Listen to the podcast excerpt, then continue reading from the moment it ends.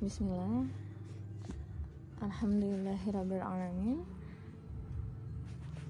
Nahdamaduhu wa nasta'inuhu wa nasta'ufiruhu wa na'udzu billahi min syururi anfusina wa min sayyiati a'malina. May yahdihillahu wa may yudlil fala hadiyalah Allahumma shalli ala sayyidina Muhammad wa ala alihi wa sahbihi ajma'in. Amma ba'du. Raditu billahi rabba wa bil islami dina wa bi muhammadin nabiyya wa rasulah Rabbi zidni ilma wa zidni fahma. Rabbi sahri sadaris wa yarsihni amri. Wahlul datani lisani ya qalu qali Assalamualaikum warahmatullahi wabarakatuh. Apa kabar semuanya? Semoga senantiasa dalam keadaan sehat jiwa dan raganya. Puji syukur kehadirat Allah Subhanahu wa taala atas segala nikmatnya. Nikmat Islam dan atas segala rezeki yang diberikan. Kita bisa kumpul lagi bertemu via udara saat ini. Mudah-mudahan segera kita bisa berjumpa ya tatap muka. Salam dan salam senantiasa kita haturkan pada junjungan kita Nabi besar Muhammad Sallallahu Alaihi Wasallam beserta para sahabat sahabia tabi'i tabi'in ulama hingga umatnya akhir, akhir zaman. Ya untuk pertemuan kita pekan ini insya Allah sama-sama kita belajar mengenal Allah subhanahu wa ta'ala. Kenapa sih penting banget kita mengenal Allah subhanahu wa ta'ala ya supaya kita bisa paham ya paham sama-sama mengenal Allah tuh penting. Ya mengenal Tuhan kita itu penting sangat penting dalam kehidupan kita. Dan memahami bahwa mengenal Allah Subhanahu wa taala dapat meningkatkan iman dan takwa. Serta kita juga mengetahui hal-hal yang membuktikan keberadaan Allah Subhanahu wa taala Mari kita cek ya satu persatu. Mengenal Allah Subhanahu wa taala. Salihah Allah Subhanahu wa taala adalah zat yang menciptakan dan mengatur alam semesta. Kekuasaannya tidak terbatas, kekuasaannya tidak dapat diukur, keluasan ilmunya tidak dapat diketahui, kebesarannya tidak dapat ditandingi oleh siapa pun.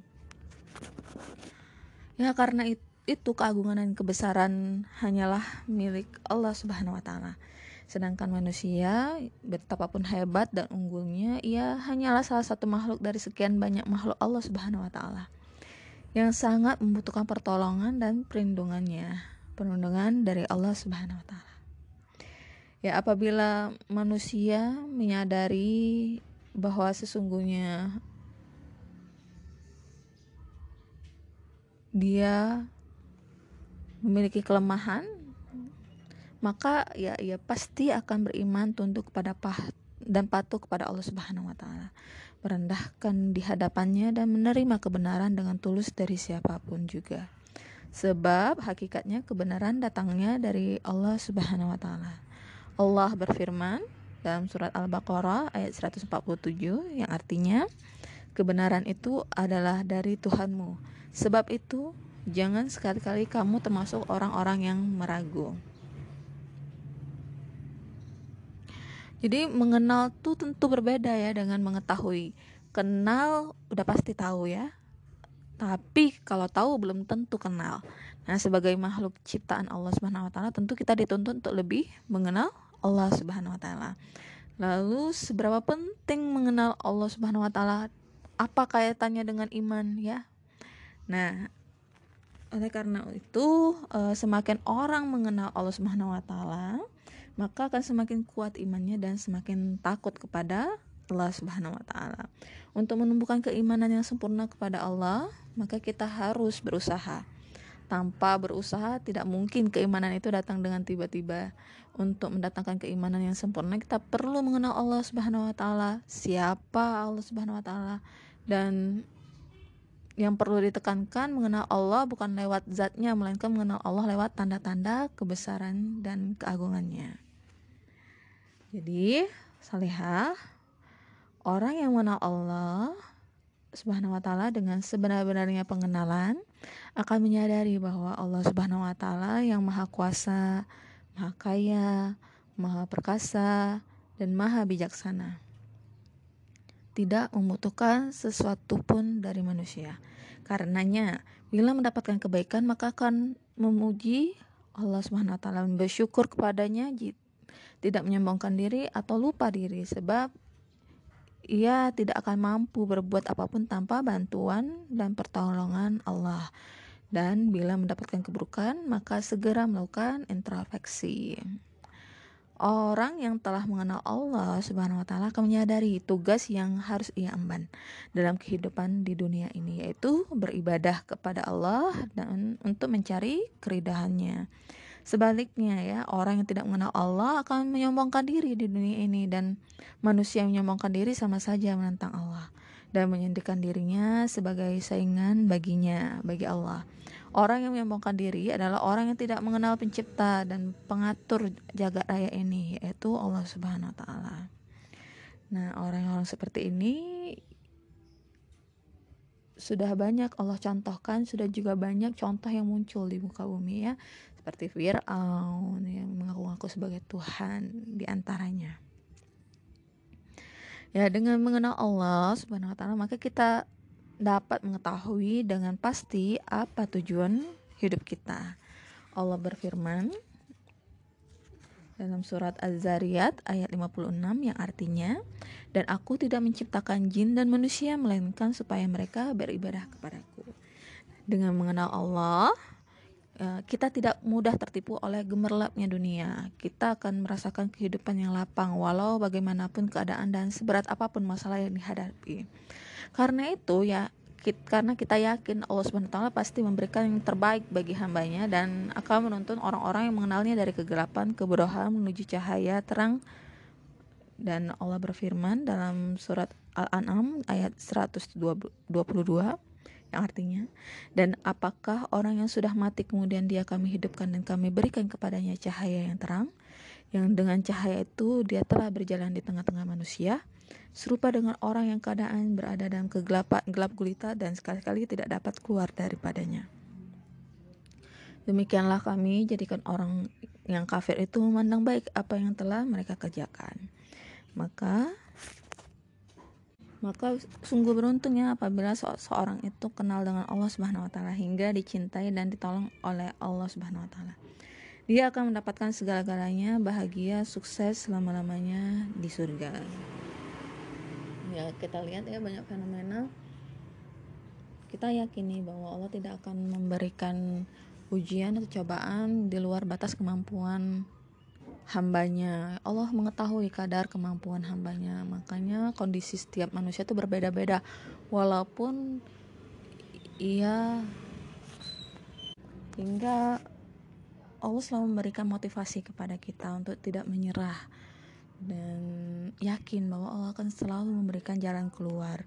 Ya beda ya dengan orang-orang yang memiliki keyakinan dengan orang-orang yang tidak memiliki keyakinan. Serta orang memiliki tujuan hidup seperti kita yang muslim memiliki tujuan hidup yaitu bahagia dunia dan akhirat. Artinya, berusaha bagaimana tidak hanya melakukan kegiatan amal-amal atau perbuatan hanya bernilai di dunia, misal hanya kaya atau hanya populer, tapi juga ada muatan-muatan eh, ada unsur-unsur bisa bahagia di akhirat. Berarti kayanya itu bermanfaat untuk akhirat. Misal kekayaannya hartanya itu bisa bermanfaat bagi orang lain. Sehingga cara mendapatkan hartanya terus berbagi hartanya itu dengan cara yang baik. Tidak dengan merampok tidak dengan korupsi tidak dengan cara menipu. Dan juga uh, berbagi. Uh, berbagi ini juga memiliki muatan-muatan akhirat kebahagiaan untuk akhirat. Ya berbaginya pun dengan cara sopan tidak diunta uh, tidak dibuang-buang ya tidak diunta. Pokoknya dengan cara etika beretika dengan menghargai manusia setinggi tingginya uh, ataupun juga uh, ilmunya. Ilmu dan kemampuan kemampuan yang dimilikinya atau talenta talenta yang dimilikinya. Tidak sekedar populer uh, tidak sekedar cantik, tidak sekedar uh, baik budi pekertinya, tidak sekedar terkenal, tapi terkenalnya itu ada muatan-muatan akhiratnya, seperti terkenalnya agar mengajak uh, semuanya sama-sama berbuat baik atau memperkenalkan membuang sampah pada tempatnya, dan itu berdampak baik bagi lingkungan dan kehidupan umat manusia selanjutnya. Bukan sekedar populer karena perbuatan buruk atau populer populer uh, dengan prank-prank yang sangat merendahkan nilai-nilai kemanusiaan ya ada yang sempat ngeprank memberikan bantuan tapi ternyata isinya tipu-tipu isinya sampah yang itu uh, bukanlah perbuatan yang dikehendaki oleh Allah Subhanahu wa taala dan itu bukanlah perbuatan muslim sejati. Nah, berbeda juga dengan orang-orang yang tidak memiliki tujuan. Misalnya ketika dia diterpa bahaya diterpa ujian cobaan musibah ada yang di negeri Korea yang mayoritasnya adalah ateis tanpa agama ya kasus bunuh diri banyak seperti itu. Dan berbeda dengan orang-orang yang memiliki tujuan hidup bahwa jika ingin uh, mendapatkan solusi ya mendekat kepada Allah. Dan bunuh diri adalah jalan jalan dosa bukan yang dikehendaki Allah. Jadi bukan menyelesaikan masalah malah menambahkan masalah baru. Nah ya sikap-sikap seperti itu membuat mental seseorang manusia itu berbeda dengan yang memiliki tujuan antara dengan orang yang tidak memiliki tujuan. Nah barakallah inilah salah satu nikmat yang Allah berikan, karunia yang Allah berikan, kita lahir di rahim-rahim muslimah. Nah, saatnya untuk kita untuk untuk lebih mengenal Allah Subhanahu wa taala agar menjadi manusia-manusia yang tangguh. Ya. Salihah, apabila kita mengenal Allah Subhanahu wa taala, maka kita pasti beriman kepada Allah Subhanahu wa taala. Semakin mengenal Allah, maka semakin meningkat pula iman kita. Lalu apa yang harus kita imani? Di antaranya ya ada pertama iman kepada adanya Allah, keberadaan Allah ya. Yang kedua iman kepada rububiyahnya, rububiyah Allah artinya bahwa Allah adalah satu-satunya Rabb Tuhan yang tak mempunyai sekutu maupun penolong. Yang ketiga, iman kepada uluhiyahnya, artinya bahwa Allah adalah satu-satunya Tuhan yang hak, tiada sekutu baginya. Dan yang terakhir, iman kepada nama-nama dan sifat-sifatnya Asma'ul Husna. Jadi ya, ada empat ya yang perlu diingatin. Iman kepada adanya Allah, keberadaan Allah, iman kepada rububiyah, bahwa Allah tiada sekutu ya, tidak ada sekutu ini maksudnya tidak ada teman-temannya, tidak ada penolong, tidak ada yang di atasnya ya. Uh, Allah satu-satunya. Yang ketiga, iman kepada uluhiyahnya bahwa Allah uh, satu-satunya Tuhan yang hak. Yang hak tadi ya. Terus yang terakhir iman kepada Asmaul Husna. Jadi dengan sifat-sifat Allah. Ya, kita cek satu-satu. Yang pertama, iman kepada adanya Allah Subhanahu wa taala, keberadaan Allah Subhanahu wa taala. Ini telah dibuktikan oleh fitrah, akal, syariat dan indera. Fitrah yang telah ada yang Allah yang telah Allah berikan kepada seluruh manusia menunjukkan adanya Allah Subhanahu wa taala Sang Maha Pencipta karena segala makhluk telah diciptakan untuk beriman kepada penciptanya tanpa harus diajari sebelumnya. Tidak ada makhluk yang berpaling dari fitrah itu kecuali hatinya telah dimasuki oleh sesuatu yang dapat memalingkan dari fitrah itu. Hal tersebut telah disabdakan oleh Nabi Muhammad SAW yang dalam hadis riwayat Muslim tiada seorang pun yang terlahir melainkan ia dilahirkan dalam atas di atas dalam keadaan fitrah maka kedua orang tuanya lah yang menjadikannya sebagai orang Yahudi, Nasrani, atau Majusi. Akal juga dinyatakan keberadaan Allah, menyatakan keberadaan Allah karena seluruh makhluk yang ada ini termasuk yang sudah berlalu ya yang dulu-dulu maupun yang akan datang kemudian sudah tentu ada penciptaan pencipta yang menciptakannya. Tidak mungkin makhluk itu mengata, mengadakan dirinya sendiri atau ada begitu saja dengan sendirinya. Allah berfirman dalam surat At-Tur ayat 35 yang artinya apakah mereka diciptakan tanpa sesuatu pun ataukah mereka yang menciptakan diri mereka sendiri Salihah ada baiknya jika kita mengambil satu contoh untuk lebih memperjelas hal itu. Jika seseorang menceritakan kepadamu tentang sebuah istana yang megah, yang dikelilingi oleh berbagai tanaman dan sungai-sungai yang mengalir di antara bangunan-bangunan istana itu, dipenuhi dengan berbagai permandani, dipercantik dengan berbagai jenis perhiasan pada bangunan-bangunannya. Lalu ia berkata padamu, sesungguhnya istana ini ada dengan sendirinya, tercipta oleh dirinya sendiri tanpa ada yang menciptakannya. Maka ya kalian tentu langsung membantai hal itu karena serta mendustakannya dan pasti ada yang mengira dia itu orang gila. Nah, petunjuk syariat juga menyatakan bahwa Allah Subhanahu wa taala itu ada sebab semua kitab-kitab samawi yaitu Taurat, Zabur, Injil, dan Al-Quran, seluruhnya menyatakan demikian. Apa saja yang dibawa oleh kitab-kitab samawi itu berupa hukum-hukum yang menjamin kemaslahatan makhluk merupakan bukti bahwa itu datang dari zat yang maha bijaksana dan maha tahu yang terbaik bagi makhluknya.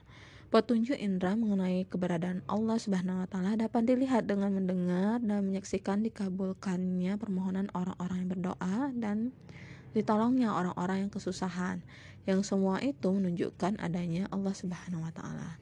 Allah berfirman dalam surah Al-Anbiya Al-Anbiya ayat 76 yang artinya dan ingatlah kisah Nuh sebelum itu ketika dia berdoa dan kami memperkenankan doanya lalu kami selamatkan dia beserta keluarganya dari bencana yang besar. Dan di surat Al-Anfal ayat 9 Ingatlah ketika kamu memohon pertolongan kepada Tuhanmu Lalu diperkenankannya kamu sesungguhnya aku Allah akan mendatangkan bala bantuan kepada kamu dengan seribu malaikat yang datang berturut-turut. Dalam Sahih Bukhari disebutkan hadis dari Anas bin Malik radhiyallahu anhu bahwa orang Baduy masuk ke dalam masjid pada hari Jumat. Sementara Nabi Shallallahu Alaihi Wasallam sedang berkhutbah, orang itu lantas berkata, Ya Rasulullah, harta kami musnah dan keluarga kami kelaparan, maka berdoalah kepada Allah buat kami. Akhirnya Rasulullah Shallallahu Alaihi Wasallam mengangkatkan kedua tangan dan berdoa. Tak lama kemudian awan besar sebesar gunung pun tiba sementara beliau masih di atas mimbar. Sehingga aku lihat air hujan bercucuran pada jenggot beliau. Pada hari Jumat kedua berikutnya, si Arab Badu itu dan lainnya berdiri lantas berkata, "Ya Rasulullah, bangunan rumah kami roboh dan harta kami tenggelam, maka berdoalah kepada Allah untuk kami. Akhirnya beliau pun mengangkat kedua tangannya seraya berdoa, Ya Allah, turunkanlah hujan di sekeliling kami dan jangan engkau turunkan sebagian bencana bagi kami. Akhirnya tidaklah beliau menunjuk pada suatu arah tempat melainkan menjadi terang tanpa hujan. Selain itu juga dengan ayat-ayat tanda atau tanda-tanda para nabi sallallahu alaihi wasallam yang dinamakan mukjizatnya, mukjizat. Kedua, iman kepada rububiyahnya artinya uh, bahwa Allah adalah satu-satunya Rob yang tidak mempunyai sekutu maupun penolong. Rob adalah zat yang berwenang mencipta, memiliki, dan memerintah. Tiada pencipta lain selain Allah. Tiada yang memiliki kecuali Allah, serta tiada yang berhak memerintah kecuali Allah Subhanahu wa Ta'ala. Ini bisa dilihat di surat Al-A'raf ayat 54 dan surat Al-Fatir, surat Fatir ayat 13. Jadi teman-teman, dan kita mengenal Allah, kita nggak perlu lagi. Karena Allah yang menciptakan nih. Kita yang iman kepada rububiyahnya Allah yang menciptakan nih. Dan Allah yang memiliki bumi beserta isinya dan alam semesta. Artinya bukan hanya di bumi aja di luar bumi juga itu milik Allah subhanahu wa taala.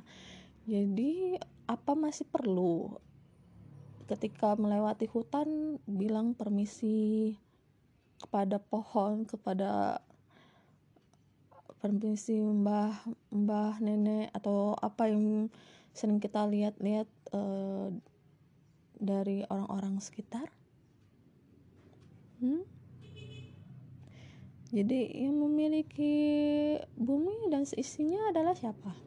Allah. Jadi yang mesti kita minta siapa Allah.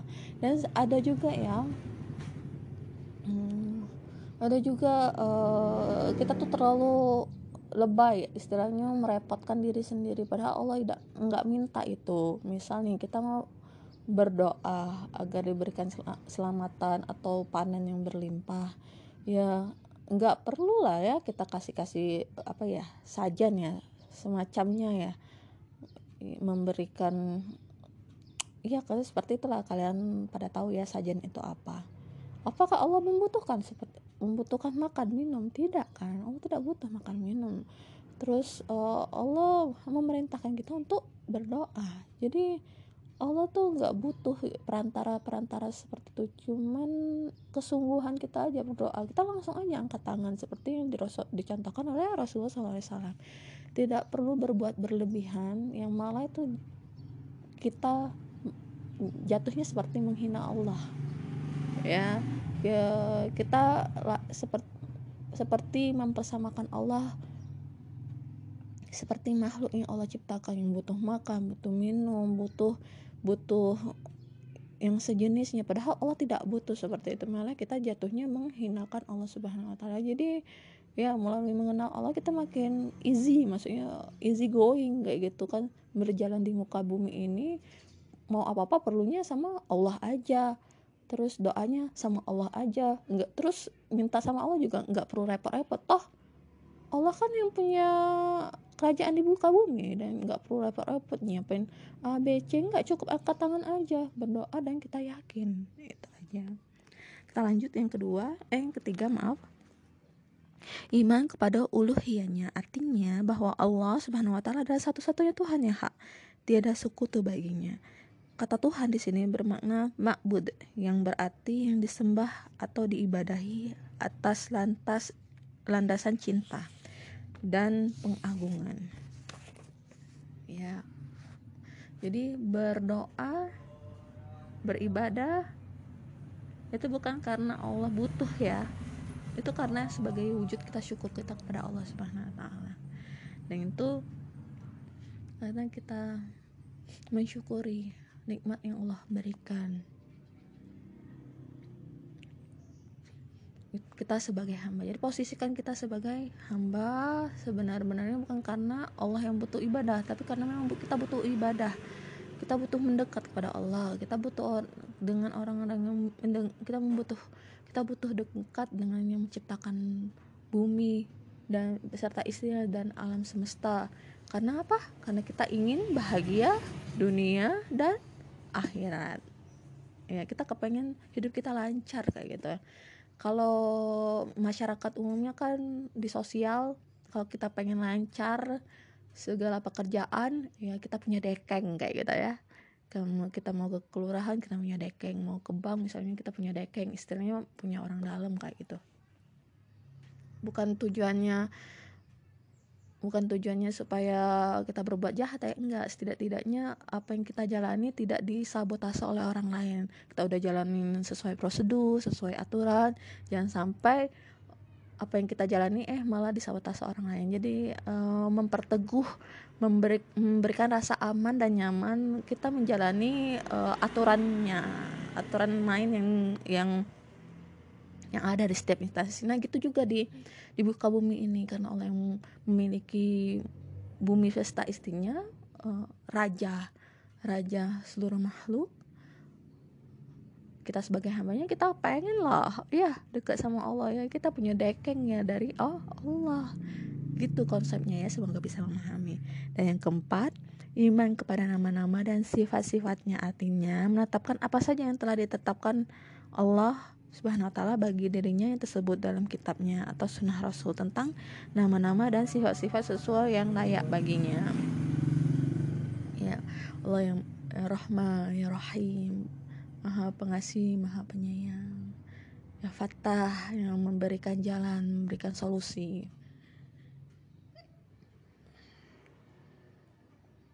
Ya Sami yang mendengarkan, yang ya Wadud yang yang mengabulkan doa. Ya maha yang maha mengabulkan doa. Itu semua milik Allah SWT dan kita tidak menafikannya. Kita meneguhkan itu dengan semua yang apa yang Allah berikan sifat-sifat dan nama-namanya. Jadi kesimpulannya mengenal Allah itu amat penting dalam kehidupan manusia. Karena mengenal Allah itu adalah sumber kebahagiaan di dunia dan akhirat. Mengenal Allah akan menguatkan dan mengokohkan keimanan dan ketakwaan seorang hamba Allah Subhanahu wa taala. Nah, ini ada inspirasi, kata-kata inspirasi. Kata-kata hikmah dari Ahmad Ibnu Hibban dan Al-Bahawi. Yang isinya saya memohon kebijakan dan Allah memberi saya persoalan untuk diselesaikan. Saya memohon kemakmuran dan Allah memberikan saya otak dan tenaga untuk bekerja. Saya memohon keteguhan hati dan Allah memberi saya bahaya untuk diatasi. Saya memohon cinta dan Allah memberi saya orang-orang yang bermasalah untuk ditolong. Saya memohon kemurahan atau kebaikan hati dan Allah memberi saya kesempatan-kesempatan. Saya tidak memperoleh yang saya inginkan tapi saya mendapatkan segala yang saya butuhkan. Ya, barakallah ya teman-teman. Semoga ngaji kita tiap pekannya ini semakin membuat kita mengenal Allah dan membuat kita membuat kita lebih disayang Allah Subhanahu wa taala. Tujuannya yang pertama supaya Allah ridho dan kita ingin bahagia hidupnya dunia dan akhirat ya. Masya Allah tabarakallah. Wallahu a'lam bishawab. Wassalamualaikum warahmatullahi wabarakatuh.